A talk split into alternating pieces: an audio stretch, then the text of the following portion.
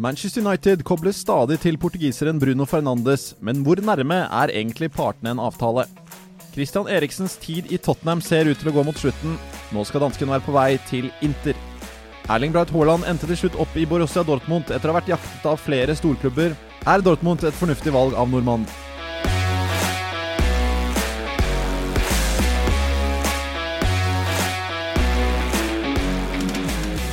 Jeg heter Simen Lønning, og i studio i dag sitter Jonas Giæver og Adrian Rikvoldsen. Velkommen. Tusen takk. Overgangsvinduet er åpent. Det er litt artig. Første podkastepisode vi har hvor vi etter at vinduet er åpnet. Det er på tide. Det er på tide. Og det er, men det, det er januar, da, og det har ikke skjedd sånn fryktelig mye. Men det er én spiller vi hører veldig mye om, og det er en portugiser med navn eh, Bruno Fernandes. Han uh, kobles da spesielt til Manchester United, og, og foreløpig har det ikke skjedd noe. Det skrives veldig mye hver eneste dag om, om denne koblingen.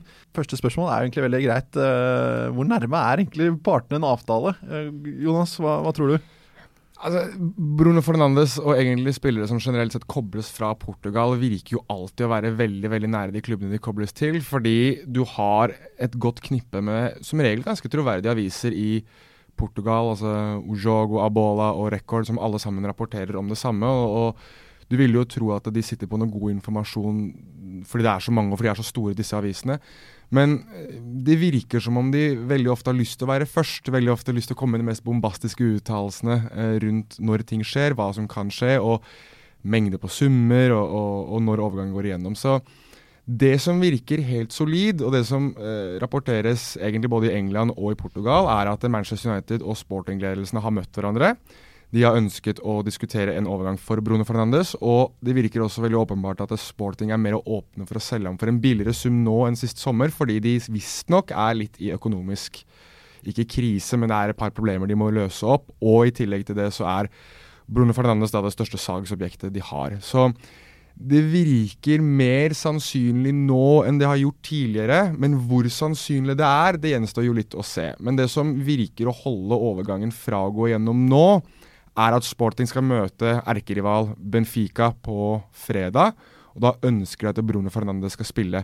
Det som jeg syns er veldig rart med det, er jo det at det er jo veldig ofte en ganske hard og, og hardt kjempet batalje mellom de to uh, Lisboa-lagene. Så Forestill at han skulle bli skada, da, mm. og så ryker hele overgangen. Og så mister man 60-70 millioner euro fordi man ikke kunne få overgangen til å gå gjennom litt tidligere fordi man ville han skulle spille. Det, det virker som risikosport for meg, da. Mm. Det blir litt sånn déjà vu for meg da de, de ryktene kom opp igjen. Det var jo sommerens soleklare overgangssaga. ja, for det, Da var det Tottenham, og det var Manchester United. Ja, og det var portugisiske medier. Ja, han er klar, og det gikk 70 mill. Og, Liverpool var nevnt. Liverpool var nevnt det var Bruno Fernandes gjennom om hele sommeren. Uh, nå meldte jo nylig i går eller i dag meldte vi Manchester Evening News at United-kilder har sagt at de skal ha vært misfornøyd med at det skal bli planta historier i portugisiske medier i, i sommer. Eh, og så har det vært litt stille tidlig i januar, før mm. plutselig det kom så smått drypp om Bruno Fernandes. Og så gikk det igjen fra null til 100, som det gjør ofte med en klubb som Manchester United, som i hvert fall er sultefòret på Uh, signeringer. Uh, og nå er vi i gang igjen. Mm. Uh, så er jo spørsmålet om de sikrer han seg allerede nå i januar, eller om de må vente til sommeren og at det blir et tredje overgangsvindu med Bruno Fernandes prat. Men det som taler for at det kan skje i januar, Jonas, er vel at United skriker etter en type som Bruno Fernandes, en tier-type som man kan hente allerede i januar. Det er vanskeligere med James Madison f.eks. i Leicester, som kjemper om Champions League, mm. og som kjemper høyere på tabellen enn Manchester United. så og så er det også ingen andre klubber som virker å være ute etter Bruno Fernandes nå, så det ligger jo nå til rette for at United får det som virker å være sin mann. Men Jonas, Hva får man i, i Bruno Fernandes? Hva, hva, hva, får Manchester United ved, ved, å eventuelt hente han? Målpoeng. Du får et hav av målpoeng. Eh, jeg gjorde litt research på det, eh, slik man gjerne gjør som god journalist. Eh, og han har jo eh, Altså, han har 0,92 eh, målpoeng hver eneste kamp han spiller denne sesongen her. Og dette er fra Altså Han har spilt i, i, åpenbart i Primera Liga, som ikke er verdens beste liga. Og han er jo den offensive spilleren i Sportings lag. Han spiller en tierrolle bak spissen i en 4-2-3-1. I fjor så spilte han i igjen åtterrolle i en 4-3-3, og da knuste han jo enhver rekord hva angår målpoeng. Jeg husker ikke hvor mye han endte på, men jeg tror det var over 50 målpoeng til sammen. Og det er jo det Manchester United Når vi snakker om sultefòret Ja, det er sultefòret på overganger, men de er også sultefòret på mål og spillere som faktisk kan gjøre en, en forskjell ene og alene. Det er derfor man på død og liv skriker etter Paul Pogba hver eneste gang. Og hvis han ikke gjør noe, så er det da tidenes bomkjøp og vondt verre. Fordi, åpenbart fordi det koster så mye penger, men også fordi han har så ekstremt stort potensial. Så det man får i, i Bruno Fernandes, er jo kanskje også en som kan ta litt av det ansvaret fra Pogba og fra de andre offensive spillerne. At han faktisk har vist at eh, han kan være et one man show. og jeg tror at Manchester Uniteds angrep og det laget de har, er bygget på en slik måte at du trenger katalysatorer som kan gjøre ting på, på egen hånd. Og, og, der virker Bruno Fernandes egentlig helt, helt, helt perfekt. Mm. Um, og Så spørs det da om han klarer å ta det steget opp og, og, bli den type spilleren som kan gjøre dette også på et høyere nivå. Men, men nå har han vært altså, kaptein for et av de tre største lagene i, i, Portugal. Han har spilt mer og mer for det portugisiske landslaget, spilt i europe, europeiske turneringer og levert jevnlig bra i halvannen sesong. Så det at eh, Port, nei, Porto sier at eh, Sporting Lisboa først ønsker eh, så mye penger som de gjør, det syns jeg virker rimelig, egentlig, med tanke på hvor god han har vært. Og det virker som det er på tide for ham også å prøve seg i en større liga og i en større klubb. Og da tror jeg faktisk Manchester United kan være ganske riktig fram nå. Mm. Jo, han har jo forholdsvis bemerkelsesverdig mål, eller både mål og, og målgivende pasningssnitt. Mm. Han er ekstremt målfarlig. Så kan man si, kan du legge premisset klart, den portugisiske ligaen er ikke, den er ikke på nivå med Premier League. Men det, fem, det, fem mål på fem kamper i Europaligaen, altså. Og, men det, den portugisiske ligaen skal ikke, den skal ikke tale imot Bruno Fernandes. Han kan jo ikke noe for at uh, rest, nivået på resten av laget ikke er på samme nivå som det i Premier League. Så man må jo ta de målene han har for det det er. Eh, og ikke minst får United nå, hvis de henter han, får de spisskompetanse. De får en pasningsfot og kanskje ikke minst en skuddfot. Han har en helt enorm skuddfot som gjør at lag som United ofte sliter med, er lag som legger seg litt dypt. Nå må, i så fall, hvis han kommer inn, må lag pushe ut om han får ballen i på 16-20 meter, fordi man vet at kommer han på skudd, da, så er det fort en kjempekjanse. og Det vil også kanskje åpne rom. Mer bakrom og rom i mellomrommet for, for Rashford og, og, bakromsspillerne til United. Bare for å ha skutt det inn, altså, han, han har et gjennomsnitt på 3,4 skudd hver kamp, og 49,3 av disse er på mål. Den, den, som nærmer seg hvis du kan si han nærmer seg, det er Andreas Pereira, som har 2,16 skudd uh, hver kamp. 34,4% av disse treffer mål. Så hvis han er den som er nærmest, da, så har du spillere som Lingard og James som spiller tilnærmede like roller som har mye dårligere statistikk. Altså, du får jo en kar som kan gjøre ting på egen hånd. Og det er jo hvis Ole Gunnar Solskjær skulle ha valgt seg ut én type spiller, da, dette overgangsvinduet her, så tror jeg han hadde pekt på Bruno Fernandes og sagt at han er perfekt. Mm. Det blir spennende å se. Vi følger som kjent overgangsvinduet live hver eneste dag, vi. Uh, så det er bare å gå inn på nettavisen.no selvfølgelig og sjekke ut det. Så holder vi dere oppdatert på det som måtte skje. Vi beveger oss videre. Kristian Eriksen han øh, har vi snakket om ganske mange ganger i podkasten her. Vi har det. Uh, men nå begynner det å skje litt ting. Men nå skjer det litt ting. Det virker som han skal da være enig med Inter om uh, sine personlige betingelser. Han kan jo da forhandle med en klubb ettersom det er uh, bare et halvt år til kontrakten hans går ut. Mm. Um, så er spørsmålet om han kommer til å reise nå i januar, eller om, eller om han blir værende ut kontraktstiden i Tottenham. Han spilte jo nå denne uken her en uh, FA Cup-kamp mot uh, Middlesbrough. Da startet han, men da ble han uh, møtt av uh, ja, pipekonserter, i hvert fall de, for deler av fansen. Da Den store pipedebatten. ja, ja, kom inn der da. Så den Så det virker som Tottenham-fansen også er, begynner å bli litt lei dansken. Så er det ikke bare da å, å selge han? Og hva tror dere Tottenham eventuelt kan få? i, i, januar. Det er jo ikke tvil om at kjøpende klubb sitter med gode kort på hånda her. Mm. Eh, venter de seks måneder, så, så, har de ham i så fall gratis. Og da er fort Tottenham avhengig av å ha en kjøpende klubb som de trenger han her og nå. Og det virker jo ikke som Inter trenger å betale blodpris for Christian Eriksen. Eh, så vanskelig igjen situasjonen for Tottenham, men om de får noe i det hele tatt for ham nå i januar, så kan det sikkert være like greit. For han har jo fremstått som en skygge av seg selv eh, i Tottenham. Det hjalp ikke noe sånn ekstremt, synes jeg, etter at uh, José Mourinho har, tok over laget heller. Så det virker som han er klar til å flytte på seg. Så er det jo spennende med Inter, som det snakkes om, da, med en en, en krevende og energisk Antonio Conte som manager. Kanskje det kan eh, Det i tillegg til kanskje det viktigste miljøskiftet kan gjøre at Eriksen blomstrer igjen. Ja, for, eh, sorry, for det, ja. det, er jo um, man, man, Jeg tror enkelte kanskje vil tenke hvorfor er det ingen Premier League-klubber som prøver seg på, på Eriksen? Og vi, United ble jo i sommer i hvert fall koblet til, mm. til han, men, men sånn som jeg skjønte, så er, så er, det jo det at han nettopp vil ha et miljøskifte. At han vil bort fra Premier League og prøve noe, rett og slett noe nytt. Uh, og Tror du Serie A da kan være fornuftig, Jonas? Ja, jeg tror det, men jeg tror at Kristian Eriksen sitter med svarteper her. Uh, jeg tror Kristian Eriksen har gjort noe ekstremt dumt i det at han ikke har pushet hardere på en overgang uh, i sommer. Jeg tror han har rett og slett driti seg ut, fordi Real Madrid sto klare. Altså Real Madrid var klare til å legge penger på bordet fram sist sommer, og det var jo kobla og kobla og kobla, men de ville at Eriksen skulle pushe på litt hardere. Han var ute i dansk presse og sa at han gjerne skulle ønske seg en ny utfordring, men mm. For eksempel, for å sammenligne med Paul Pogba, som også ville til Real Madrid, så var Pogba veldig tydelig på at agenten hans var ute og sa f.eks. at ja, Real Madrid eh, det hadde vært fint med en overgang fra Manchester United osv. Mens Eriksen var litt mer sånn avholden, litt sånn avmildende til å gjøre det.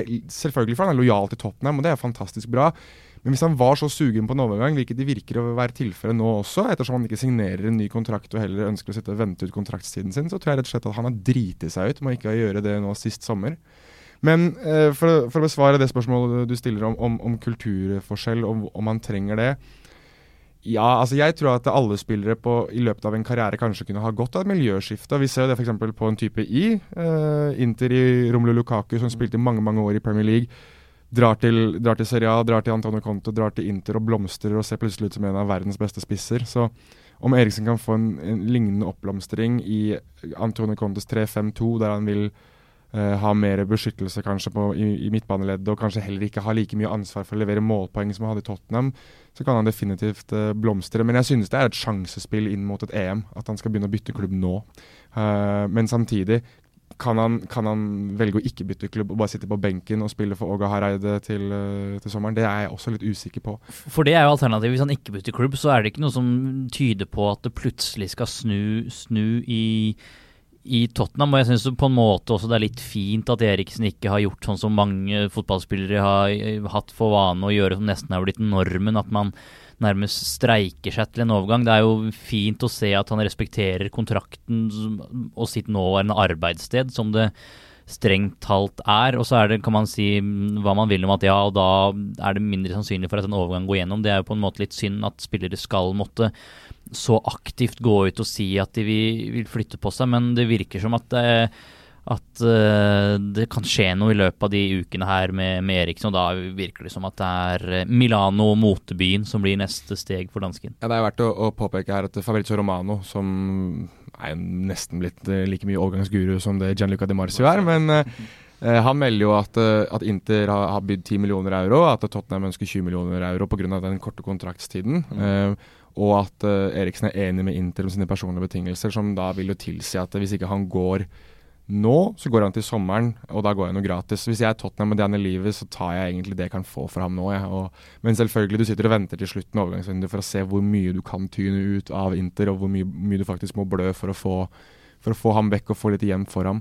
Uh, og jeg synes Tottenham allerede nå har begynt å vise at de har en susseksjonsplan med Giovanni Lo Celso og Uh, nå sitter vi og spiller inn dette her på en onsdag, og da har jo Gedson Fernandes blitt, blitt bekreftet inn. Så du har jo begynt å styrke uh, midtbaneleddet. Så, så det, blør ikke like mye for Tottenham nå å miste ham, men samtidig så må de ha penger igjen for han, ellers så igjen ser det ut som tullinger på overgangsrunde hvis ikke de får ordna noe. De betalte vel 12 millioner pund, tror jeg, back in the day, da de henta han fra, fra Ajax.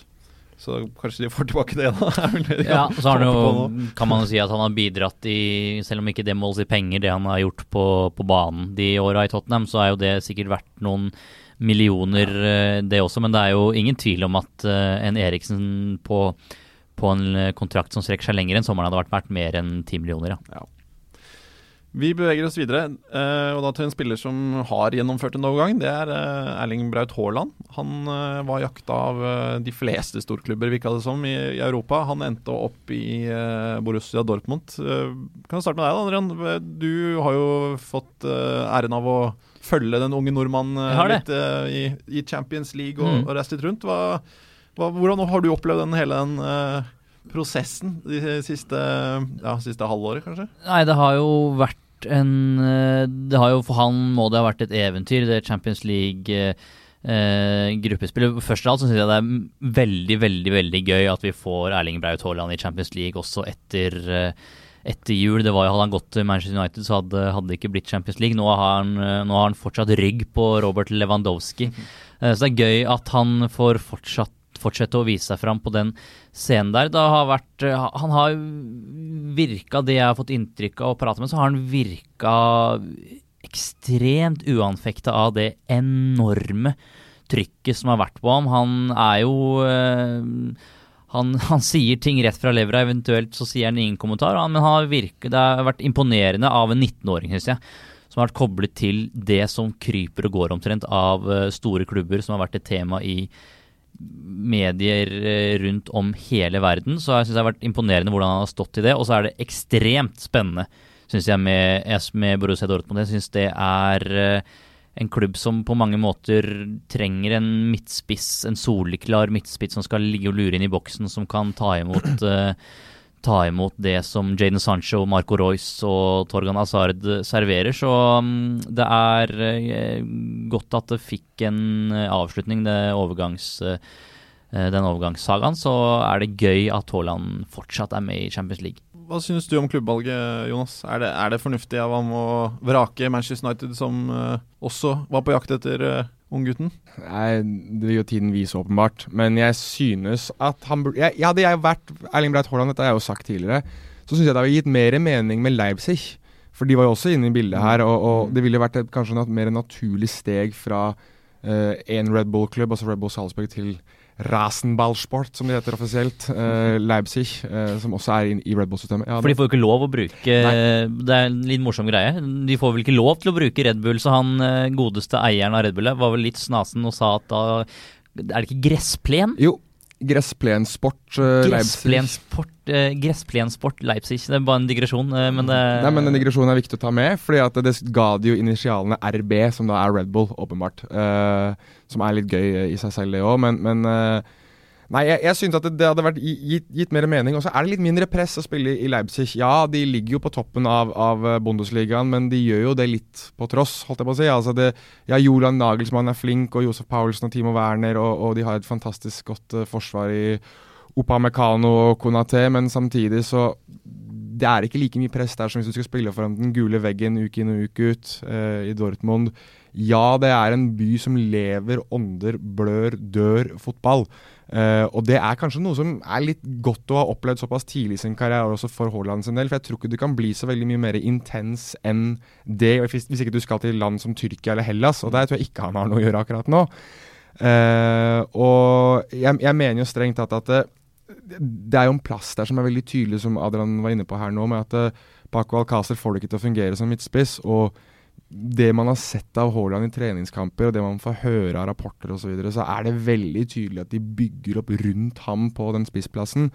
Og da tyder det også på at de har valgt riktig klubb. fordi at eh, den planen og den utviklingen som de har sagt at de ønsker å ha, altså Team Haaland hvis du kaller det, da, med Raiola og Alf Inge og, og de som er rundt ham Alfie, takk. Ja, er, har han bytta offisielt nå? Han har det? Det er Alfie. Ja. Alfie. Haaland og Mino Raiola og de som er rundt ham, at de, de, skal alltid kunne gå et neste steg. Og hvis de da har fått såpass gode garantier fra Watzke og Zork og, og Luzan Favre på at han skal satses på, så tyder i hvert fall det på at han vil få en, en fair sjanse. Og da tror jeg ikke vi tre i et studio i Oslo skal sitte og mene at han har tatt et feil valg. I hvert fall ikke før han har satt foten sin ut på gressplenen. Eh, på Rasenballen, holdt jeg på å si. På, på det som er litt interessant, er jo da de også valgte Da han valgte Red Bull Salzburg, så, var, så brukte jeg nå det første halvåret omtrent på å akklimatisere seg og, og bli Nå får han sjansen igjen. Han gjør det, og da de, de, stresset jo ikke da. da. Nå er det et annet nivå selvfølgelig med Borussia Dortmund, men Eh, Haaland brukte ganske mange måneder på, i Salzburg også på å krige seg til og kjempe seg til den spissplassen. Og jeg husker jeg prata med, med Alfie eh, da Haaland var litt Ikke ute i kulda, for det var han tydeligvis ikke, men da han ikke fikk spille så mye, som var faktum.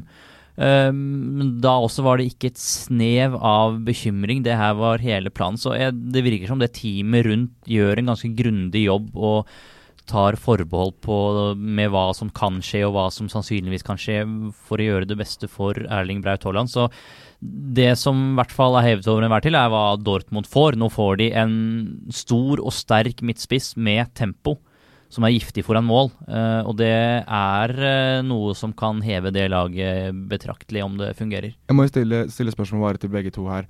Eh, har, har, dere vært i Molde først? først og fremst? Har dere vært i byen Molde? Ja, ja, ja. Dere, du har jo vært i Salzburg, mm. Adrian. Hvordan er Salzburg som by? Er det mye der? Er det noe som skjer? Er det liksom en metropol? Nei, forholds... Kulturby, da. Det er jo en kulturby. Med Mozart uh, Skal ikke jeg ja. mene hvor mye Haaland har vært innom Mozart, uh, kulturarv uh, Men tenkte du at det her er det mye utenomsportslig som kan ødelegge en fotballspiller? Nei, det tror jeg ikke. Nei, for, nei, det, det, er ikke. for samme er det med Dortmund. Jeg har vært i, jeg har vært i Dortmund og liksom vært litt rundt i området der. Altså, det er jo ingenting der. Det er Gelsenkirchen som er, er, der, og Düsseldorf som ikke er langt ifra. Men, men Dortmund er forholdsvis et lite sted, på lik linje som det Molde er, og på lik linje som det tydeligvis Salzburg er også. Så han får jo lov til å, å ene og alene fokusere på det å være god fotballspiller og utvikle seg som fotballspiller. Så hvis du tenker utenomsportslig og tenker på ting som kan ta vekk oppmerksomheten fra Haaland jeg tror, at, jeg tror, han er en såpass fokusert fotballspiller til å begynne med, men bare det at de har eliminert alle muligheter for det å velge et sted også som kanskje passer en fotballspiller mye, mye bedre, det tror jeg har vært et sjakktrekk. Mm. Det er et godt poeng, og det virker også som Erling Braut Haaland er en person som er ekstremt god til å fokusere på det han har lyst til å bruke tiden på. Det merker jo vi i media som uh, gjerne vil stille spørsmål om ikke det han syns er interessant. Da får man eh, klar beskjed om at det er ikke noe han bruker energi på. Så han virker som han er veldig god til å stenge det han mener ikke er interessant ute, og kun mm. fokusere på det som han mener gjør at han blir en bedre fotballspiller.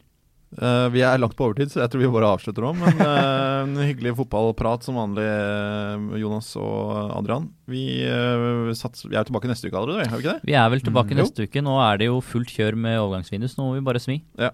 Som vanlig så må vi minne dere på at dere kan.